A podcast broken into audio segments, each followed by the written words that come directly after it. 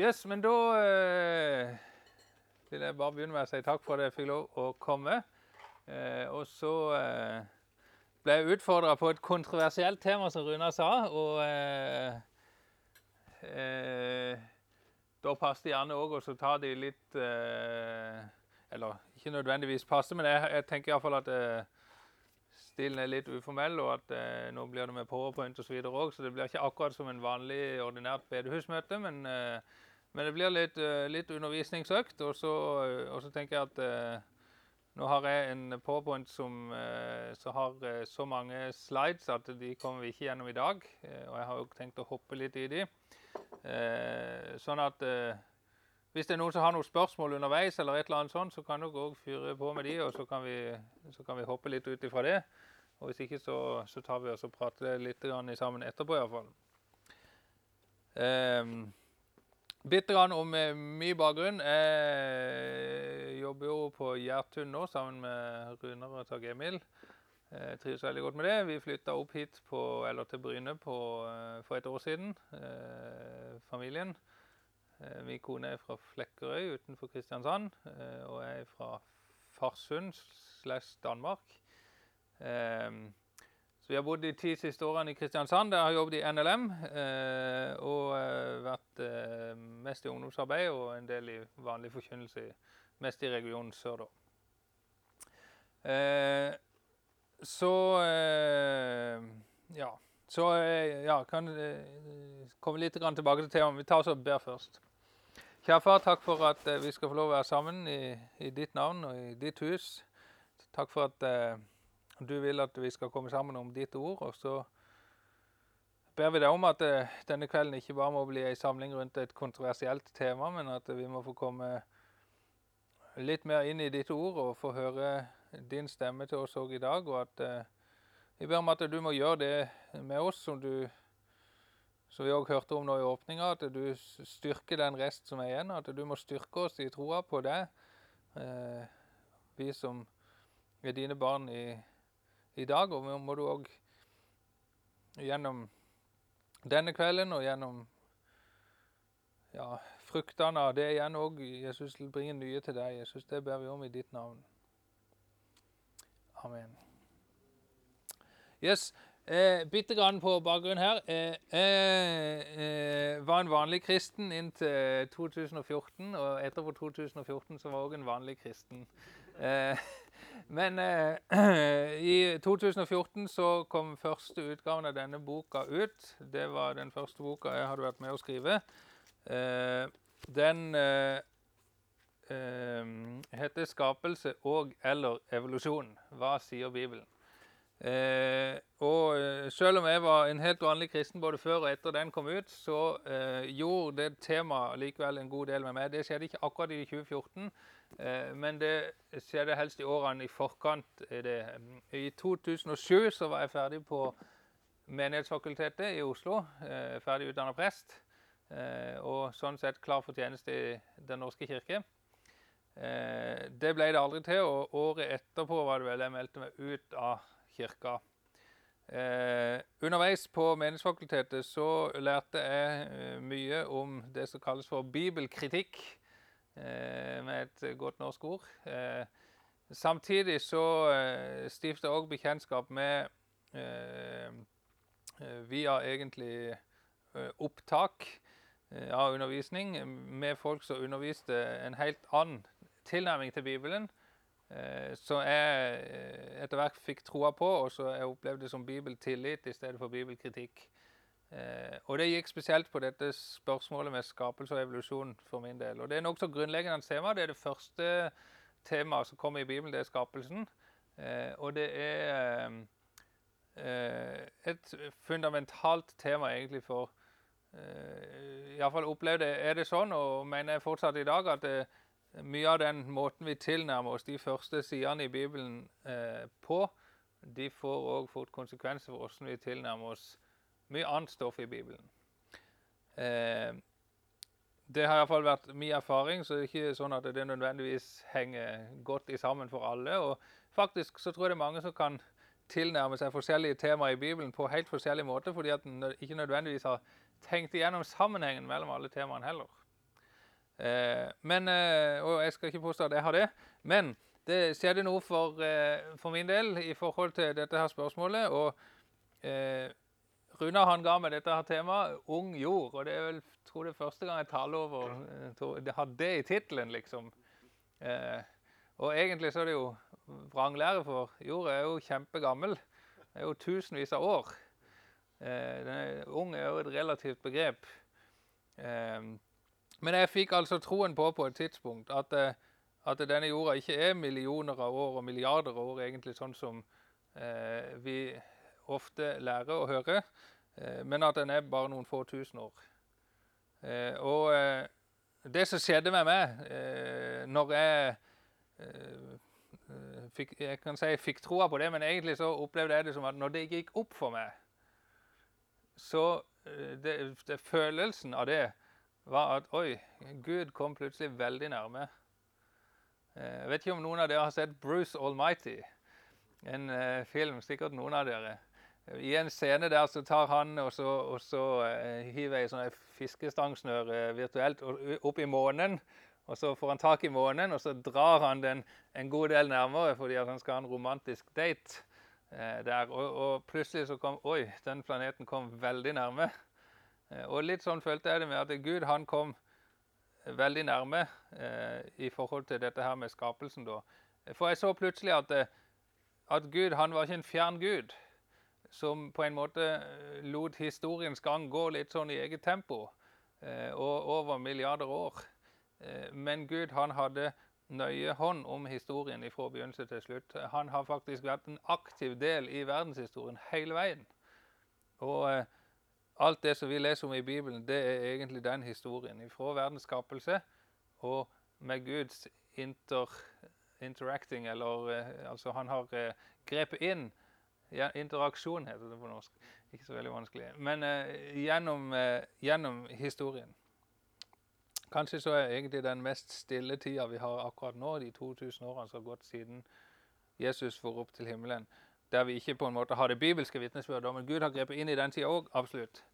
Eh, nå Ja, det var bare bitte grann om det.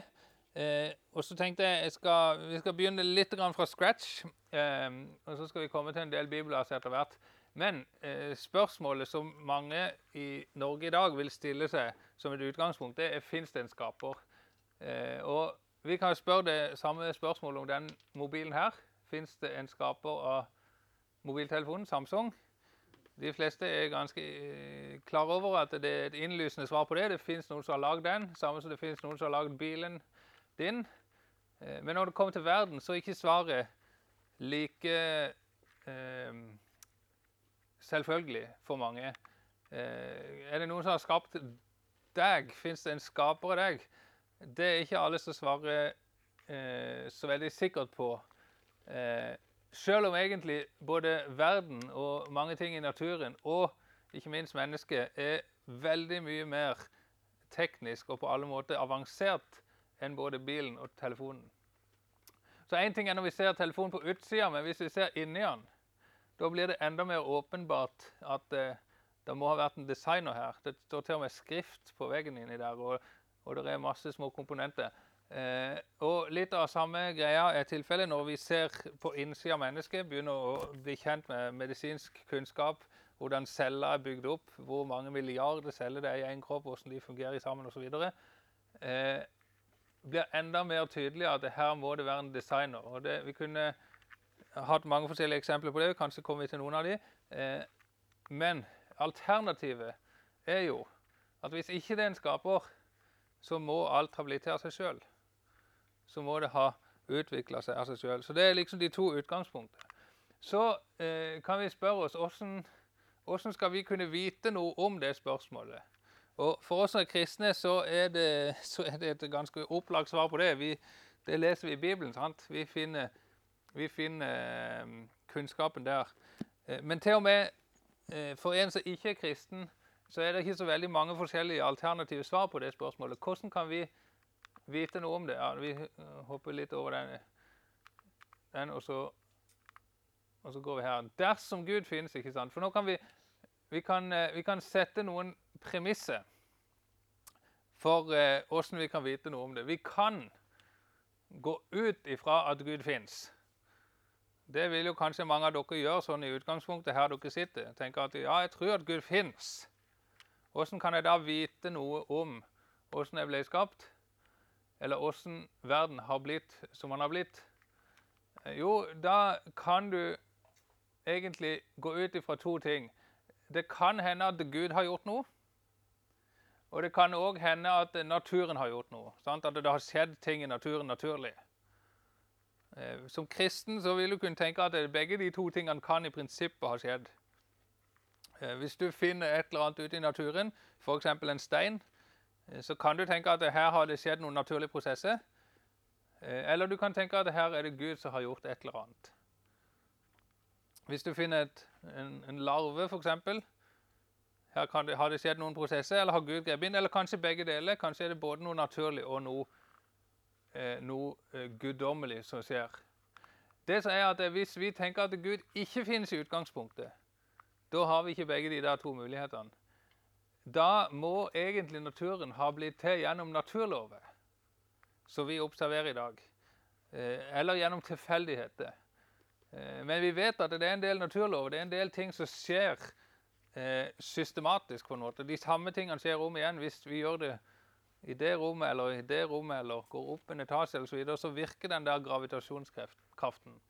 Eh, det er en del eh, som vi observerer i naturen. Eh, og hvis ikke Gud fins, så, eh, så, må på en måte naturen ha fått i stand det som vi ser i dag, på egen hånd. Gud kan ikke ha grepet inn på noen måte gjennom historien, sånn som man ville kunne tenkt hvis hvis en er kristen eller tror på en gud.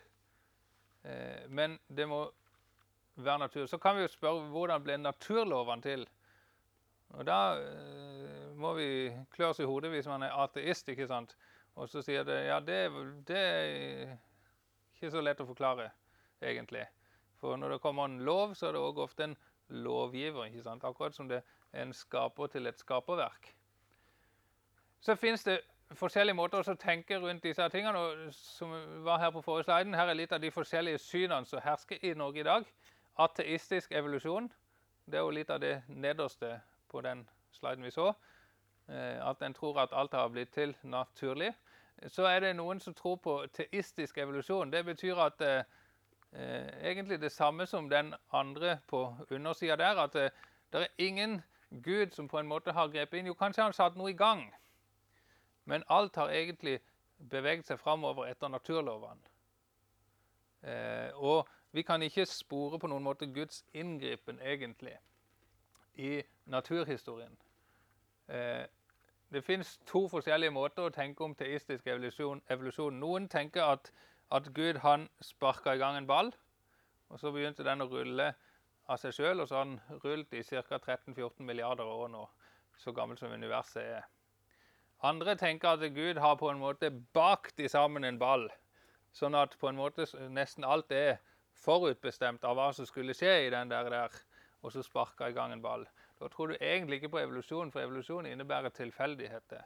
Men det er noen som tror på teistisk evolusjon på den måten der òg, at Gud har satt det i gang, men han har planlagt det litt, på en måte, eller bakt det inn i det der originale, og så sendt det i gang. Så er det noen som tror på gammel jordkreasjonisme. Det betyr at Gud har drevet, gått aktivt inn og skapt i noen sekvenser. Men jorda er gammel, ikke sant, sånn som navnet sier. Jorda er 5 milliarder år ca. Universet 13-14 milliarder år.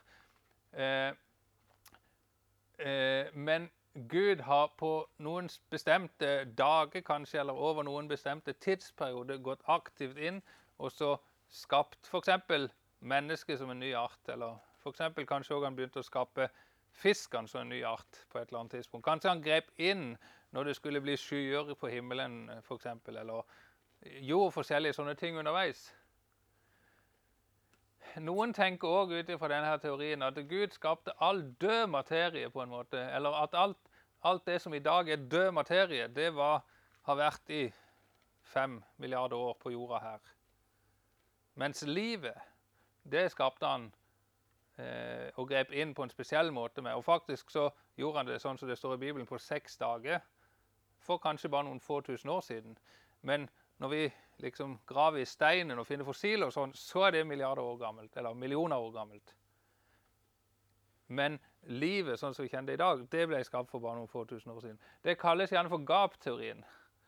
Det er liksom et gap mellom livets skapelse og alt det som vi kjenner til her nå, og så det gamle som var før, og som i dag er fossiler og stein osv. Kan komme litt tilbake til den. Eh, så er det noen som tror på et gammelt univers og en gammel jord, og noen tror på et gammelt univers og en ny jord. og Det fins masse forskjellige teorier iallfall her under den gamle jord. Så er det noen som tror på intelligent design. Jeg vet ikke om det har vært borti alle disse retningene, men eh, en del av de andre teoriene, iallfall sånn som der, gammel jord, ung jord osv., de tar gjerne et utgangspunkt i Bibelen. Eller iallfall kobler inn Bibelen på forskjellige måter. Men, mens intelligent design-retninga den gjør ikke det. Den tar kun et vitenskapelig utgangspunkt. Og Så ser en på vitenskapen, og så ser en f.eks. hvordan celler fungerer. Og så tenker en her må det være en skaper som står bak. Litt sånn som på telefonen. Eh, og så sier ikke intelligent design-retninga noe som helst om hvem denne skaperen er. Men begynner en å forske mye, så kan vi se at det er jo faktisk ganske mange ting her som som minner om det som står beskrevet i Bibelen. Så mange intelligent designforskere er kristne, de aller, aller fleste. Og noen er òg ungjordkreasjonister, noen er gammeljordkreasjonister. Noen tror kanskje òg på en slags evolusjon, men som regel så gjør de ikke det. De avviser som regel evolusjonen, men tror at det, eh, her må noen ha skapt noe eh, eh, på en overnaturlig måte ung jordkreasjonisme, som er den retninga som jeg representerer, og, eh, og, som jeg gjerne liker å kalle for bibelsk kreasjonisme, for jeg, mener det er, den rett, det er det som står i Bibelen, egentlig. Det betyr kort og godt det at eh, jorda den ble skapt for noen tusen år siden, eh, på seks dager, sånn som det står. Seks vanlige dager. Og at verdenshistorien har gått sin gang etter det, etter skapelsen, fra Adam og nedover slektslinjene til Seth og til Noah og til Abraham osv. Og, så og at eh, summerer vi litt opp den slektslinja som står i Bibelen, så ender vi på noen tusen år. Eh, ja. Så eh, litt tilbake til dette her. Eh, hvis vi tenker at Gud ikke fins, så er det naturlig å se på naturen eh, og se hva kan vi lese ut av naturen og eh, prøve å finne ut hvordan verden har blitt til, hva som er eh, historien vår, og hva som er faktiske forhold for, som er relevante for oss i dag. Og Litt av grunnen til at jeg tar med dette, her, det er fordi at det er den tenkninga som ligger til grunn for mye forskning i dag. Bl.a. ved Universitetet i Oslo og Naturhistorisk museum så finnes det en egen erklæring om evolusjonen som ligger på nettsidene deres. Der står det i den at all forskning og formidling ved Naturhistorisk museum jo bygger på det vitenskapelige prinsipp at jordkloden og alt liv som finnes her, er et resultat av hva da? Av naturlige, biologiske og geologiske prosesser. Sånn, når de forsker ved Universitetet i Oslo, så tar de som utgangspunkt at alt som de ser og finner, det er et resultat av naturlige prosesser. Altså, de har på forhånd utelukka at det kan være snakk om en Guds inngripen i både verdens tilblivelse og verdens utvikling, eller naturhistorien, som vi kaller det. det. Naturhistorien det er på en måte den delen av historien som skjer før mennesket ble til. Eh, så UiO de bygger på det at eh, det er de naturlige prosessene som har ført til både livets tilblivelse og livets utvikling. Vi ser her at all forskning og formidling bygger på det vitenskapelige prinsipp. Det er altså ikke noe det forskes på, men det er noe det bygges på. Det er et grunnlag og et fundament i forskninga at Gud ikke fins. Og det er ikke noen teoretisk mulighet at en gud kan ha grepet inn, verken ved å skape eller i utviklinga av denne verden. Eh, og den, det prinsippet der, eh, det følges jevnt over hos de fleste forskere i verden i dag. Og Det viser noe av kompleksiteten, eller noe av det som gjør det litt vanskelig eh, for oss som kristne å henge med på det utgangspunktet eller det fundamentet som, som den forskninga gjøres på. Det betyr jo ikke at vi kristne er imot vitenskap. Vi kristne eh, kan eh, omfavne det aller meste av eh, vitenskap som gjøres, og alt som er god vitenskap.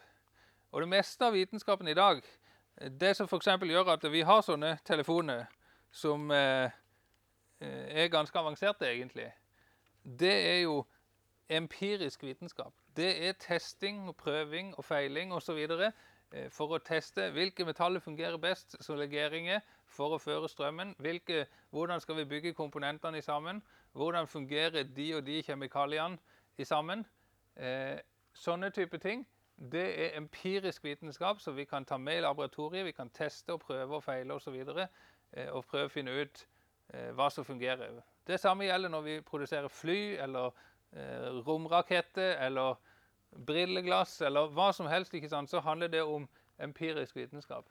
Dette her, det er forskning på et område der ingen egentlig kan empirisk bevise noe som helst. Det er ingen som kan forklare, eller det er ingen som kan se hvordan jorda ble til. Det er ingen som kan eh, få førstehåndskjennskap til hva som skjedde i jordens tidlige utvikling det er noe som vi er nødt til å legge inn noen premisser for. Vi er nødt til å ha et fundament å bygge på, noen ting å gå ut ifra når vi skal lage teori om det.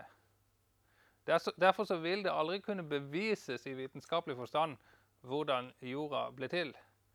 Eh, fordi at det handler om en historisk forskning.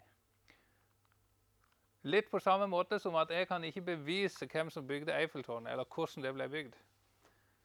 Jeg kan sannsynliggjøre det, men jeg kan drive en del empirisk forskning. Jeg kan finne ut hvilken metallegering som ble brukt. Jeg kan finne ut hvor høyt det er, jeg kan finne ut eh, hvor hvitt det er osv. Jeg kan finne ut hvor mange trappetrinn det er opp. Eh, det er mange sånne empiriske ting jeg kan gjøre når jeg skal forske på Eiffeltårnet. Men jeg kan faktisk ikke vite sikkert hvem det var som bygde det. Var det han der eh, Eiffel, herr Eiffel, nå husker jeg ikke fornavnet hans. Var det han som, som kom med ideen og vant den der konkurransen i i, uh, i Paris når det ble bygd. Og skjedde det i 1882, eller hvor tid er det tilskrives? 89. Det er godt vi har noen med her. Men var det virkelig det? Hvordan skal jeg vite det? Ja, kanskje jeg kan finne fram noen gamle bilder. Hvis jeg er heldig så har jeg noen bilder som kan si meg noe om det. De er iallfall forholdsvis Kan du til en viss grad sjekke ektheten av. Jeg kan i hvert fall finne fram en del gamle dokumenter. Og Jeg kan finne ut at de dokumentene har liten sannsynlighet for at de som skrev, de løy. Men jeg kan ikke bevise det empirisk. Jeg kan ikke observere det sjøl. Og litt på samme måten så er det med jordas skapelse. Jeg kan ikke eh, observere det eller bevise det, men jeg kan finne fram noen gamle dokumenter. Og så kan jeg vurdere hvorvidt disse her gamle dokumentene de eh, bør få min tillit. Hvor, hvorvidt de er til å stole på. Hadde de som skrev dette her grunn til å lyve, eller, eh, eller å skrive noe annet enn det som egentlig var de faktiske forholdene? Eller er det troverdig, det som står her, at i begynnelsen skapte Gud himmelen og jorden? Og For min del så er det ikke noe tvil om at det, det som står her, det er troverdig. Og at jeg kan ta det som et utgangspunkt når jeg skal forske videre på det som har med jordas skapelse å gjøre. Og så står det litt mer òg i den boka enn akkurat bare at Gud skapte himmelen og jorden i begynnelsen. I erklæringa om evolusjon på Universitetet i Oslo står det òg at evolusjonsteorien bygger på et solid vitenskapelig grunnlag. Får ikke høre så mye mer eh, om det grunnlaget, men det, den bygger iallfall tydeligvis på det. Og så gir den en motsigelsesfri beskrivelse og forståelse av utviklingen av alt liv på jorda. Eh, det vil si, det vitenskapelige grunnlaget som evolusjonslæren bygger på, det kan du ikke motsi. For det er motsigelsesfritt. Det går ikke an å motsi det. Det står fast. Og Da begynner hele evolusjonslæren å ligne ganske mye på det som vi kaller på godt eh, religionsk et dogme. Og en religion, egentlig. For du kan ikke motstå det grunnlaget som evolusjonslæren bygger på, og som er altså en verden uten Gud. Og Det er det utgangspunktet som ligger for evolusjonslæren. Og Hvis vi hadde begynt å gå tilbake i historien og se på de mennene som innførte evolusjonslæren i den vestlige verden, både på Darwin og de som kom før han igjen, og som eh, fant opp, hvis vi kan si det sånn, eller fant ut i, i, sin, i sine ord at jorda var eh, millioner år gammel, de hadde òg denne motivasjonen, altså bygge en verdenshistorie uten Gud. James Lyell, som levde ca. 100 år før Darwin, og som var en av de som populariserte teorien om at jorda var millioner år gammel eh, innenfor geologien, han var geolog, han eh, skrev en, eh, et trebindsverk om geologi eh, på midten av eller slutten av 1700-tallet. Eh, og forordet i den via han til å skrive om hvordan eh, Moses ikke lenger var relevant for geologihistorien eller for verdenshistorien. Moses, historien om flommen eh, under Noah osv., den kunne ikke lenger brukes til å forklare eh, jordas og eh, lagene i eh, sedimentene. Eh, den, den, det faktiske geologien som vi finner i verden i dag, kunne ikke lenger Moses brukes til å forklare. Vi måtte fri vitenskapen ifra Moses. Eh, han som altså skrev om disse tingene. Og altså skape en geologi som ikke hadde fundament i Bibelen, men som heller hadde da fundament i det naturalistiske, naturen uten Gud. Erklæringa slutter med å si at det må være opp til hver enkelt å passe evolusjonsteorien inn i egen verdens anskuelse og religion. Evolusjonslæren kan altså ikke motsies, men den må passes inn i din religion. Hvis du har en tro på et eller annen guddom, så må du være så god og passe evolusjonslæren inn i den troen, sånn at den troen inneholder både en evolusjonær utvikling og en tro på en gud. Det er den beskjeden du får der. Så er spørsmålet hva lærer Bibelen? Eh, og Nå skal vi inn på noen av disse bibelversene. Og, og så skal vi se et et bilde egentlig først virtuelt og kanskje òg eh, grafisk eh, av hvordan verdenshistorien ser ut. Eh, det er noen kjernevers her i, i slutten av skapelsesberetninga. Det står jo fem ganger tror jeg det, i løpet av eh, første Mosebok 1 at eh, Gud så at det var godt etter at han hadde skapt de forskjellige tingene. Så står det til slutt at Gud så alt det han hadde gjort, og se det var overmåte godt. Og Det er en litt interessant setning, fordi at det, det sier ganske mye om skaperverket. Eh, og ganske mye om eh, hva som har skjedd i skaperverket. Fordi at eh, Vi kan se på verden i dag og så kan vi si at det er ikke sånn at alt er overmåte godt i dag. Verken i Guds frie natur eller i, i eh, menneskenes kulturliv osv. Det er mye som ikke er overmåte godt. Eh, og Det forteller oss noe. Det forteller oss at når Gud skapte verden, så var verden annerledes enn det han er i dag. Og Det er faktisk en viktig opplysning. Fordi at eh, Hvis vi skal forske på verden og forske på naturen, ja, da har vi allerede en, eh, en, et utgangspunkt her som gjør det litt vanskelig. I hvert fall hvis vi skal legge den boka til grunn. Hvis vi skal legge Bibelen til grunn når vi går ut og forsker på naturen, ja, så viser dette verset her alene egentlig at eh, den verden som Gud skapte, eller den måten som verden fungerte på når Gud skapte den, den var annerledes enn sånn verden er i dag. Og Vi får en forklaring også på det i Bibelen, for det står om syndefallet. Eh, kan ta med det verset som står her òg først, i 1. Mosebok 2.2. Gud fullførte på den sjuende dagen det verk han hadde gjort. Det er jo en setning som står i motsetning til evolusjonslæren òg, for eh, evolusjon lærer jo at denne utviklinga pågår stadig. Og jeg tror alle teoistiske evolusjonister som jeg kjenner, de vil òg si det at det den utviklinga som har pågått gjennom millioner år, den pågår fortsatt. Eh, noen av de mest kjente evolusjonistene i Norge, eh, sånn som Bjørn Are Davidsen, som faktisk jobber litt i skolelaget nå og har eh, vært aktiv i mange forskjellige sammenhenger. Eh, han sier det at det Eller iallfall i ei bok som han og Atle Ottosen Søvik, som er professor ved Menighetsfakultetet, skriver sammen, så står det at, det, at, det, at det er ikke sikkert at det, er sånn som vi mennesker er i dag, at det er det endelige målet med evolusjonen. Det kan godt være at Gud har tenkt å utvikle oss til noe enda mer fantastiske skapninger på en måte i framtida. Eh, men Bibelen sier altså at Gud fullførte på den sjuende dagen det verket han hadde gjort. Gud gjorde seg ferdig med skapelsen. Han hadde ei skapelsesuke. Eh, og når den sjuende dagen var til ende, så var det fullført. Eh, og så kommer dette med syndefallet. Nå kjenner dere historien. Mennesket spiste av treet til kunnskap om godt og vondt. Og Gud hadde sagt på forhånd at den dagen du gjør det, skal du visselig dø. Eh, og så ser vi at det, den døden som blir innført, den blir òg eh, presisert eller eh, konkretisert i etterkant av syndefallet. Det kom en straff som blir uttalt overfor slangen, det kom en straff som blir uttalt overfor Eva, det kom en straff, eller en konsekvens, kan vi kalle det òg alle sammen, som blir uttalt overfor Adam. Og Når det gjelder Adam, som var satt til hodet eh, for eh, sin familie og for menneskeheten sånn sett, så får han en straff eller en konsekvens over seg som ikke bare gjelder han sjøl, men som gjelder hele skaperverket. Hele menneskeslekta og hele skaperverket som han òg var satt til å forvalte.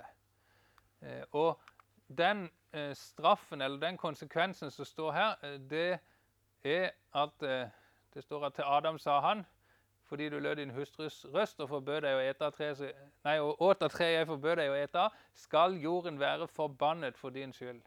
Altså skal jorden være forbannet for din skyld. Gud han gjør noe med jorda som en konsekvens av syndefallet. Og Vi ser at Paulus han følger opp og så sier det samme i Roman 8,20. Skapningen ble jo lagt under forgjengelighet.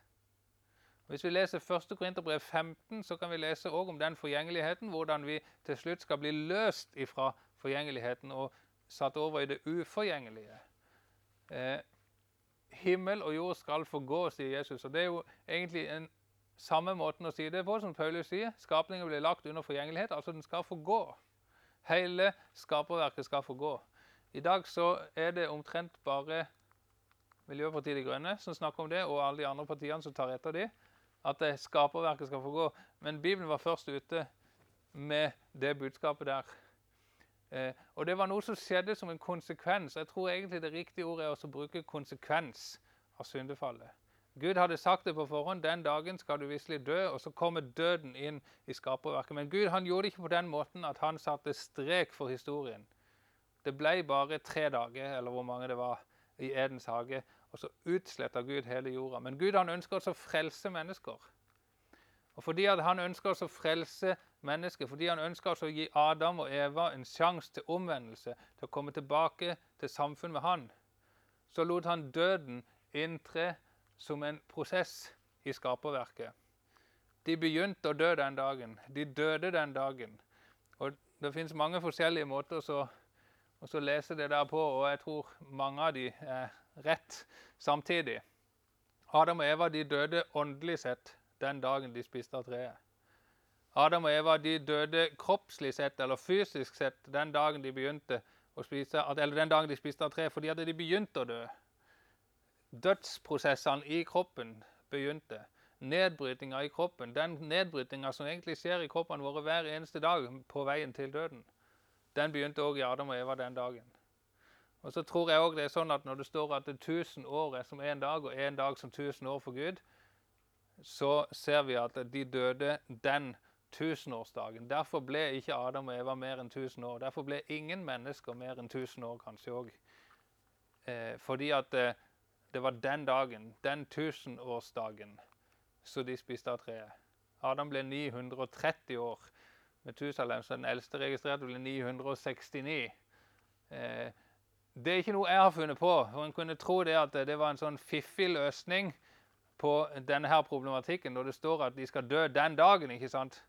Og så har Darwin kommet med hele teorien sin om millioner av år osv. Og, så og så kunne jeg finne på at, eh, å si at ja, den dagen det betyr nok 1000 år, det.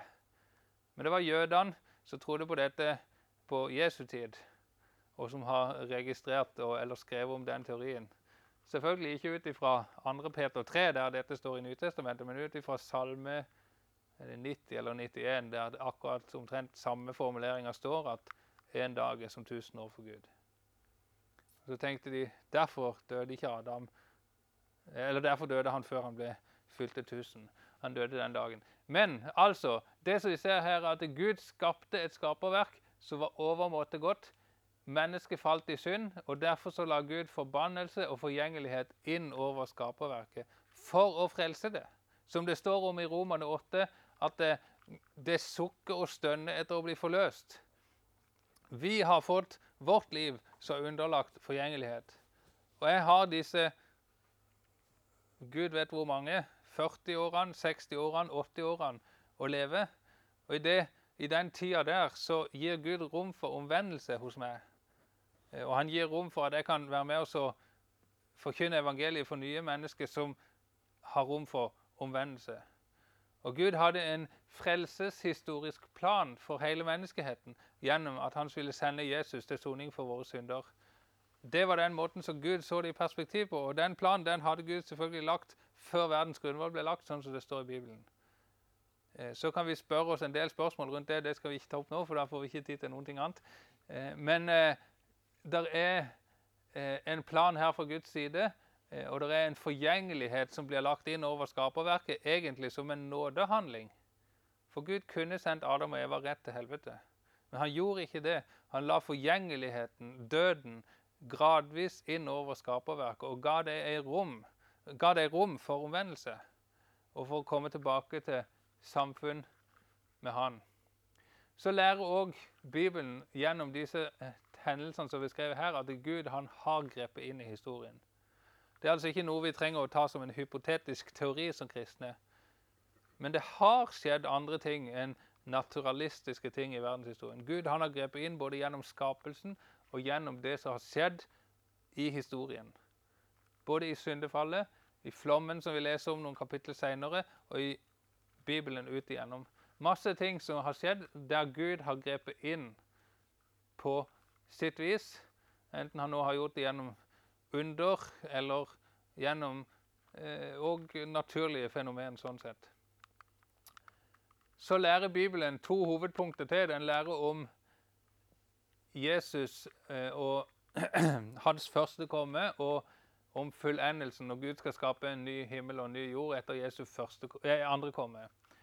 Eh, om Jesu første komme så står det for like som alle dør i Adam, slik skal også alle bli gjort levende i Kristus. For så har Gud elsket verden at han ga sin sønn den enbårne, for at hver den som tror på ham, ikke skal fortapes, men ha evig liv. Gud har satt i verk sin frelsesplan. Han sender Jesus til jord. Jesus han dør på korset fordi det var det som var straffen for Adams synd. Det var døden. Eh, Jesus tar Adams synd på seg, og ikke bare det, men han tar alle konsekvensene av syndefallet. Vi skal få se det på en senere slide.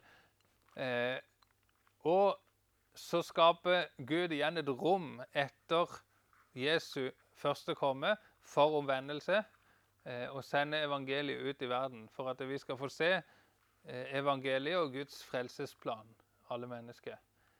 Eh, og så skal Gud komme igjen, eller Jesus komme igjen, og Gud skal skape en ny himmel og en ny jord. Og så står det en interessant formulering der i 2. Peter 3,13.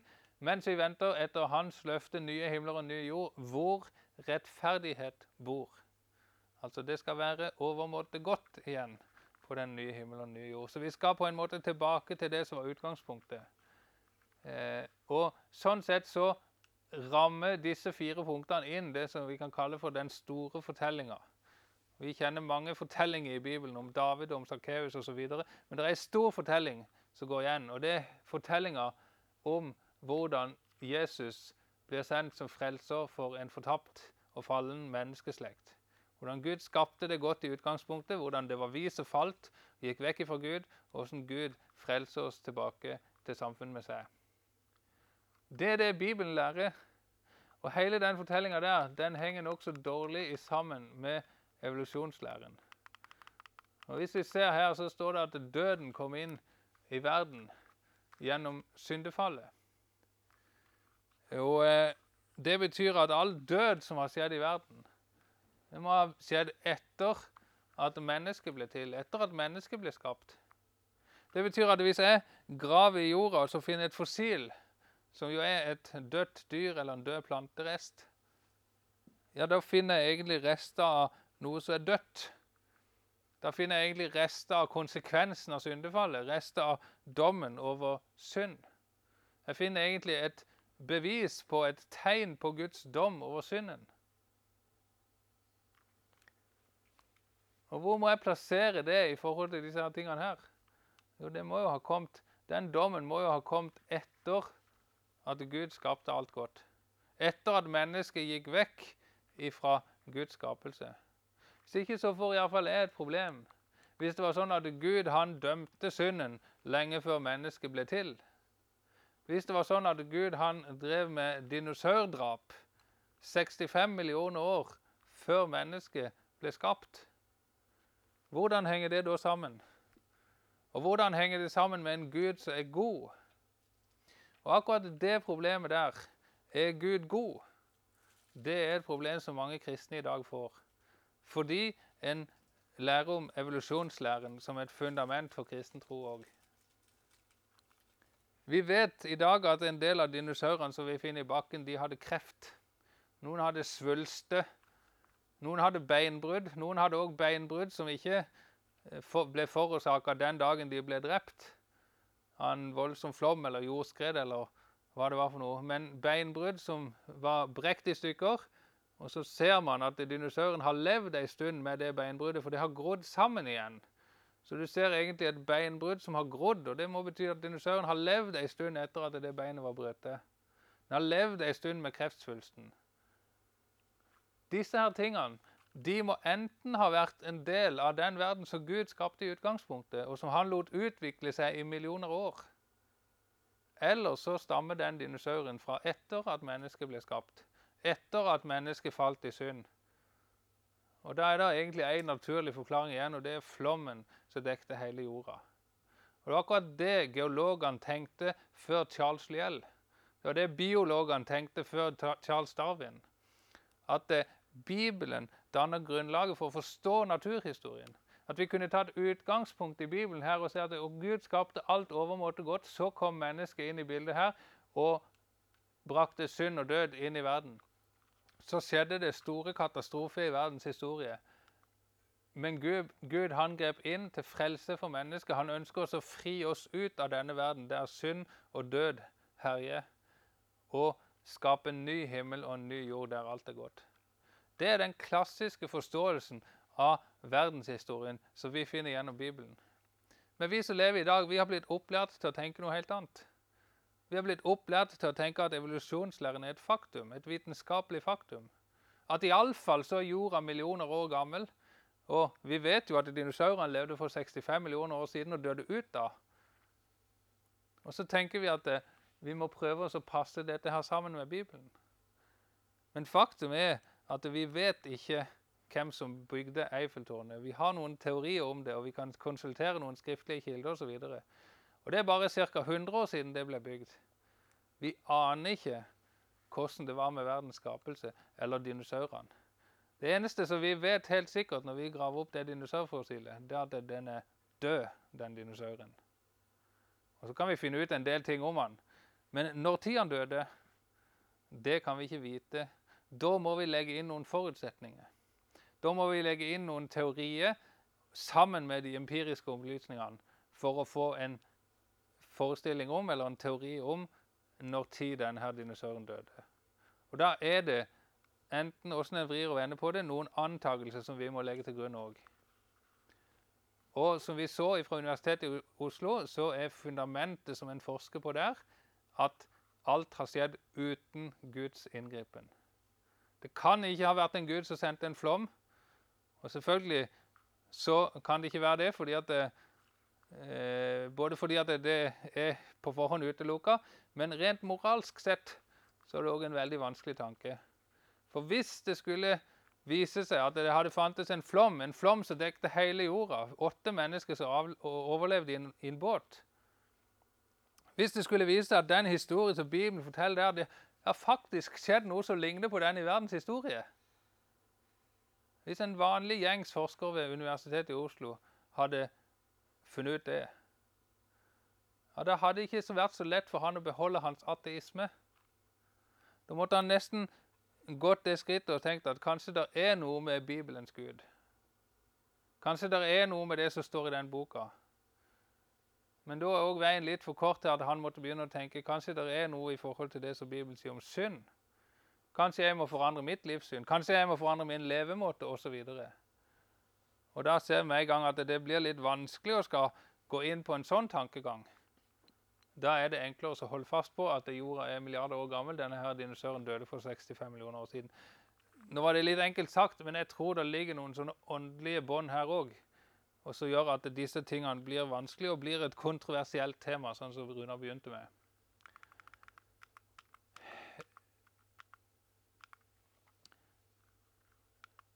Her er noen flere bibelvers som handler om det med dødens inntog i verden. Eh, og hvordan døden òg skal tas, tas, bort til slutt. Eh, og så tenkte jeg vi skulle hoppe over alt dette her som handler om evolusjon. Mye å si om det.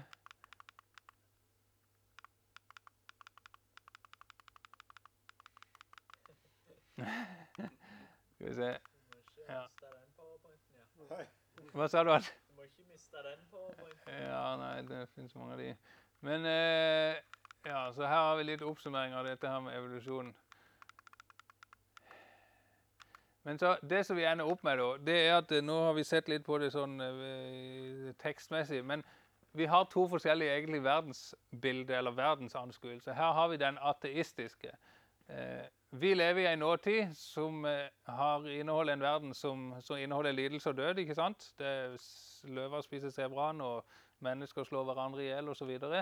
Eh, og sånn eh, tror vi òg i ateismen. tror man også at eh, verdens historie har vært det har vært 'survival of the fittest', som Darwin sa det. Altså den sterkeste eller best tilpassa som har overlevd hele tida, den svakeste som har dødd ut. Sånn har livet blitt til, sånn har verdens historie vært fra begynnelsen. Sånn er det nå. Eh, og sånn vil det egentlig òg bli for all framtid. Så lenge du ikke kobler inn en gud her, iallfall. Eh, det kristne verdensbildet gir et helt annet bilde. En fortid der Gud skapte alt overmåte godt. Sånn var det ikke så veldig lenge. Men kunne ikke, kunne ikke tegne en, en sånn en millimetertynn strek her heller. Eh, men Adam spiste eplet, eller frukten. Så kom lidelsen og døden inn i verden. Eh, og så kommer vi opp til nåtida. Vi lever fremdeles i en verden med lidelse og død. Men midt i her så reiser Gud opp et kors. Jesus han kommer ned fra himmelen, ned på jord. Han lider og dør for vår skyld. Og Så lever vi fortsatt i dag i en verden med lidelse og død, fordi at Gud han gir det tidsvinduet for at evangeliet skal nå til jordens ende. Og så skal Jesus komme igjen, og Gud skal opprette en ny himmel og en ny jord der alt er godt. Og så er det det at det, det å kombinere disse her to, det funker ganske dårlig. Det funker ganske dårlig å si at her er det millioner år med lidelse og død. Gud han sier på et eller annet tidspunkt at noe er overmåte godt. Så spiser Adam av, av denne frukten, og så fortsetter verden med lidelse og død. Hvis Gud sa at dette var overmåte godt, ja, hva skal vi da tro i forhold til de løftene som Gud gir om at det skal bli overmåte godt? Hvis det var overmåte godt når dinosauren gir rundt med denne her kreftsvulsten, hvordan kan jeg vite da at det ikke blir kreft i himmelen? Det er en logisk brist på en måte hvis vi skal kombinere disse to. Eh, og så er det òg eh, eh, ja, Nå tenkte jeg på en ting til, men det glapp ut litt. Eh, men i alle fall, så, jo, så er det òg et moralsk problem her. fordi at det, hvis det er sånn at eh, hvis det er sånn at verden var full av lidelse og død før Gud skapte mennesket, hvem er da skyld i den lidelse og død som skjer der? Ja, Det går iallfall ikke an å skylde på mennesket da. Det er ikke Adam sin feil at det, det var lidelse og død i verden før han ble skapt. Da kan det egentlig bare tilskrives Gud. Da var det Gud som ville det sånn at det skulle være kreft som en del av sitt skaperverk. Og det som blir problemet her, det blir at Gud han, han kan ikke være god. Hvis Gud han skapte en verden der det er egentlig den sterkeste som overlever, der det er den sterkestes rett Det er ikke det som Jesus forkynte. Hvis Gud han skapte en verden der kreft og lidelse og sykdom og naturkatastrofer og alt sammen er en del av verden, da, gir det et litt annet gudsbilde. Det gir òg et annet menneskesyn, fordi at eh, mennesket blir på en måte får en slags annen stilling der han ikke blir den skyldige her, men han blir det best utvikla. Det som har kommet lengst, liksom. Det er noen sånne ting som gjør at eh, en del ateister de tar sterk avstand fra den onde Gud som finnes i Bibelen. Fordi at en ikke ser dette bildet. Og en del kristne òg mister troa på at Gud er god. Og så er egentlig disse tingene ganske tydelig forankra i Bibelen. Det står at det første mennesket var av jorden jordisk. Som den jordiske var, slik er også de jordiske. Det er veldig tydelig i Bibelen at Adam han var det første mennesket. Han var et menneske av kjøtt og blod, akkurat som oss. Og at hans død førte til død for oss alle sammen. Eva står det akkurat likt om at hun var mor til alle som lever. Så en del sånne ting som setter spørsmålstegn med av teistiske evolusjonister, f.eks., som kombinerer kristen tro og evolusjon, det står veldig rett fram i Bibelen. Her er ei slektstavle eh, fra Adam til Jakob. Abraham, Isak og Jakob her på slutten. Adam her nede. Så ser vi ut av den, hvis vi leser med tidslinja her nede, at det står i Bibelen at Adam han var 105 år. Nei, unnskyld, 130 år når han fikk Sett. Sett var 105 år når han fikk Enos, og Enos var 95 tror jeg, når han fikk Kenan. Og Så står det sånn opp igjennom på alle disse her. Og i hele denne tidsrekka her, fra Adam og til Abraham, Isak og Jakob, så er det ett års slingringsmunn. Ellers så står det helt nøyaktig. Så kan kanskje du spørre ja, men kan det ikke være at, eh, at det var flere slektsledd imellom her? At Metushala f.eks. han hadde en sønn, og så hadde han en sønnesønn, og så, hadde han en, så var det liksom Lamek det var tipp-tipp-tipp-tippoldebarnet. Og så sier Bibelen bare at han var sønn av Metusalem. Og da vil jeg svare ja, Det kan godt hende at vi kan tenke sånn, men uansett så står det at Metusala han var så så gammel når han fikk Lamek. Så vi kan egentlig ikke strekke eller tøye den slektslinja der. Eh, og jeg tror heller ikke at det var mange ledd imellom. Jeg tror det var de leddene som står her. Eh, og Vi kan lese om disse her personene, og den slektslinja ikke sant? den fortsetter inn igjennom her. og Den fortsetter jo etter Jakob òg. Han fikk Ruben, Simeon, Levi osv. Josef og Juda. Og slektslinja den går fra Juda helt videre til Jesus i Det nye testamentet. Vi får opprena slektslinja gjennom hele Det gamle testamentet, fram til Jesus. Og Når vi summerer den opp, så finner vi for det første ut at det, det mest nøyaktige opptegnelsen i Bibelen, det er disse 2000 årene her, fra Adam til Jakob.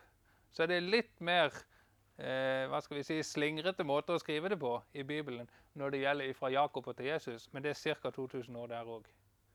Sånn at det går ca. 4000 år fra Adam og til Jesus. Og som vi leste, Adam var det første mennesket av jorden jordisk.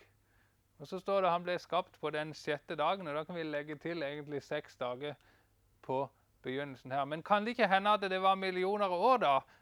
De der seks dagene. Kanskje det var seks millioner år, eller seks milliarder år, som Gud egentlig mente når han skrev seks dager. Og så ble Adam skapt på den sjette dagen milliarddagen. Ja, For det første så står det i hvert fall at han ble skapt på den sjette dagen, ikke den sjette milliarddagen. For det andre så står det at det ble morgen og kveld på den sjette dagen. Og vanligvis så skjer det hver morgen og hver kveld, ikke bare etter seks milliarder morgener, at det blir morgen og kveld.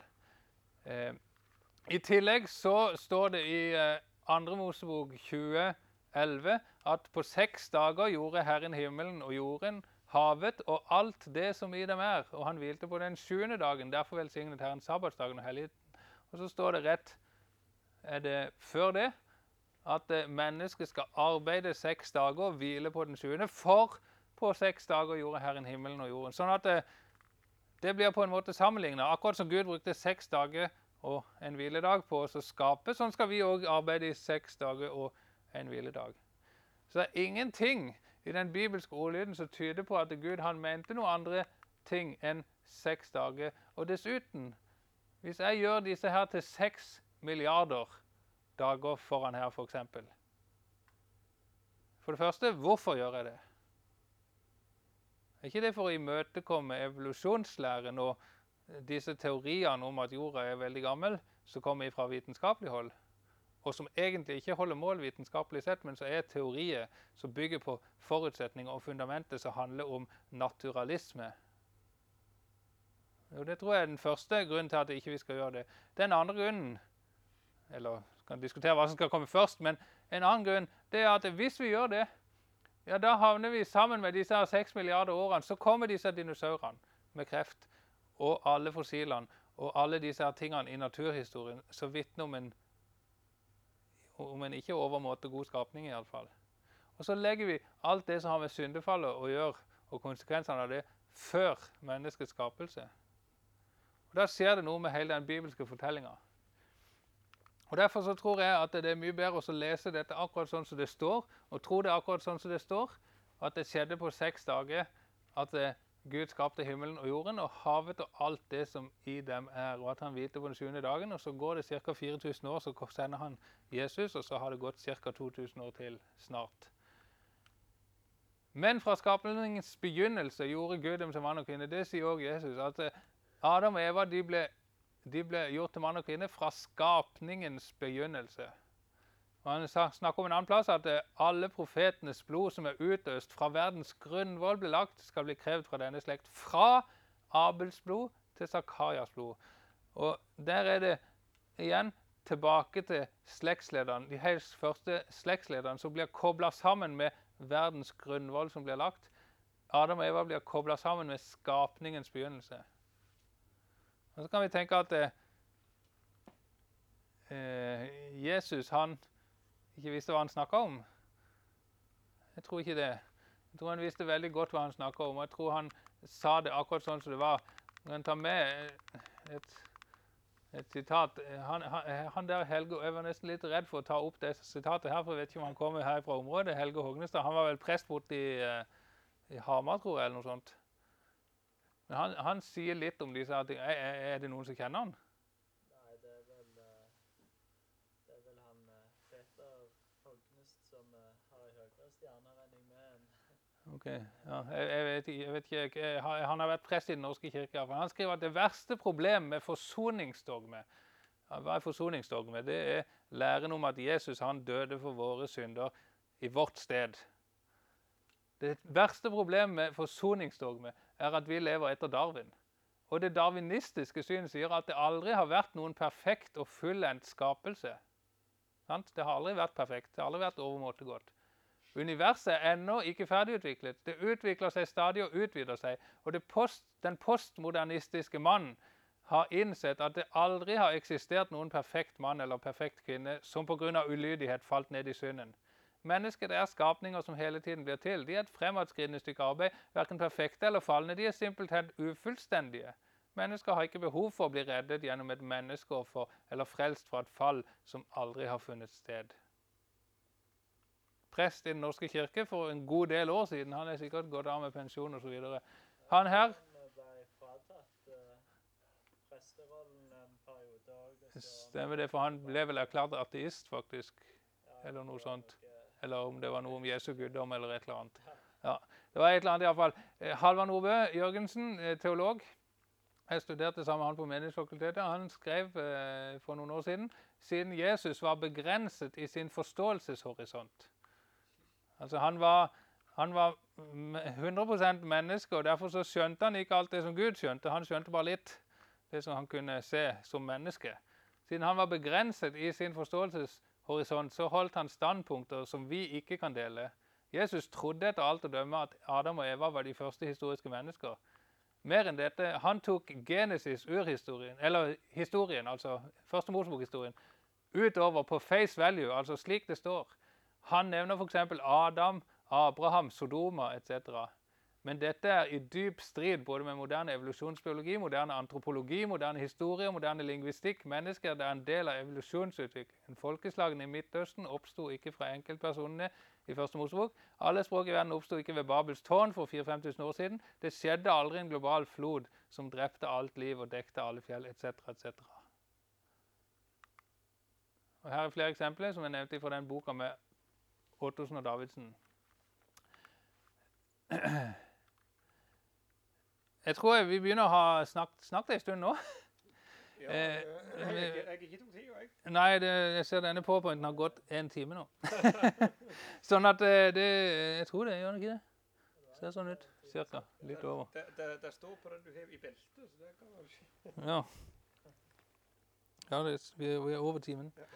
Så eh, Men eh, bare ta helt oppsummeringsvis Det som vi ikke har snakket så mye om nå Nå har vi snakket litt om de, på en måte litt de store linjene i dette med skapelsen.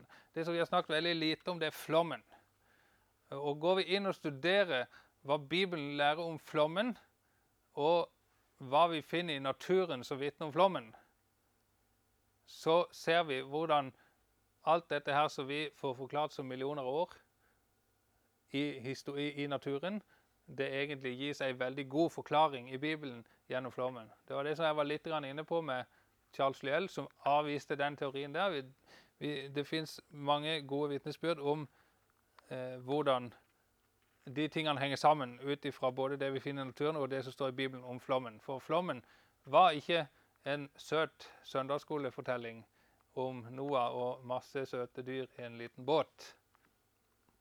Men det er fortellinger om Guds dom over ondskapen i verden, og Gud som venta i det lengste, eh, og til slutt sendte en dom for å sette en stopper for ondskapen, og som lot Noah bygge en svær båt som var mer enn stor nok til å inneholde to av hvert slag av alle dyr og syv av hvert slag av det rene. Ikke to pudler og to schæfere og to dingoer og to labrador og to border collies, og, men to hunder. Og to katter. Og to elefanter. Ikke en afrikansk og en indisk og en mammut og en Men to av hvert slag. Ikke to av hver art. Og det står det i Bibelen. Og så lot han dyrene overleve på den måten, og åtte mennesker. Og så spredte slektene seg ut etter Babel utover jorda. Dyrene spredte seg før det utover jordkloden. Og så førte mikroevolusjon, som det heter på godt eh, norsk, til at både mennesker og dyr ble seende litt forskjellig ut på forskjellige kontinenter osv., der hvor de ble isolert fra hverandre. Men alle hundedyr i familie kan pare seg med hverandre. Du kan ta en ulv faktisk og en puddel, og så mikse de opp. Så lenge det går på størrelsen, så går det. Og så eh, kan du ikke gjøre det med en hund og en katt. Enda og like de kan se ut, noen av de rasene der. Og så ser vi på en måte hvordan alle disse her tingene henger sammen og viser veldig tydelig at det er det som står i Bibelen sant. Gud skapte dyrene hvert etter sitt slag, og de er hvert etter sitt slag den dag i dag òg. Hvordan menneskene ble spredt ut, og hvordan vi fikk forskjellig hudfarge og forskjellige karakteristika på forskjellige måter. Men hvordan vi er en rase eller et, et slag, vi òg, som er atskilt fra dyrene. Og så kan vi snakke masse mer om disse tingene, men vi, vi, vi blir nødt til å legge ballen litt død der, og så får vi ta resten i samtalen, tror jeg. Yes, skal vi, skal vi bare be til slutt? Kjære far, takk for at, eh, at vi fikk i hvert fall sett litt på disse tingene, så, så ber vi deg om at du må ikke la, ikke la noen ta noe for god fisk, fordi om jeg står her og sier det, men la oss få ta vår tillit til ditt ord og eh, få stadig grunne på det og lese og tro det. Det ber vi deg om i ditt navn, Jesus. Amen. Hadde du fått noen spørsmål? Eller? Ja, jeg, jeg gjorde ikke, for, ikke det litt pga. at det ikke Men, men det. eh, var det, det, det erfaringsmessig så pleide det å være 100. Eh, og, og, og så eh, tenkte jeg bare skulle nevne det òg. Jeg har, tar, tok med en, en del sånne, så dere kan ta hver sin hvis dere vil det. Her står en del av disse med bibelvers. Eh, alt var overmåte godt. Synden og de forskjellige konsekvensene. Det kom lidelse, sykdom, forbannelse, torner. Eh, Satan fikk makt og døden. Som konsekvens av syndefallet så står det hvilket bibelvers det står om at dette inntraff. Og så står det bibelvers her på hvordan, hvordan Jesus tok på seg disse tingene på korset. Hvordan de en del fortsatt av livet i dag. Vi lever fortsatt i syndefallets verden. Hvordan de skal opphøre i det evige. Så den er, det er mange fine, fine vers der. Yes, da setter vi ned, og så kan vi ta drøse heller. Ja, tusen, uh, tusen takk.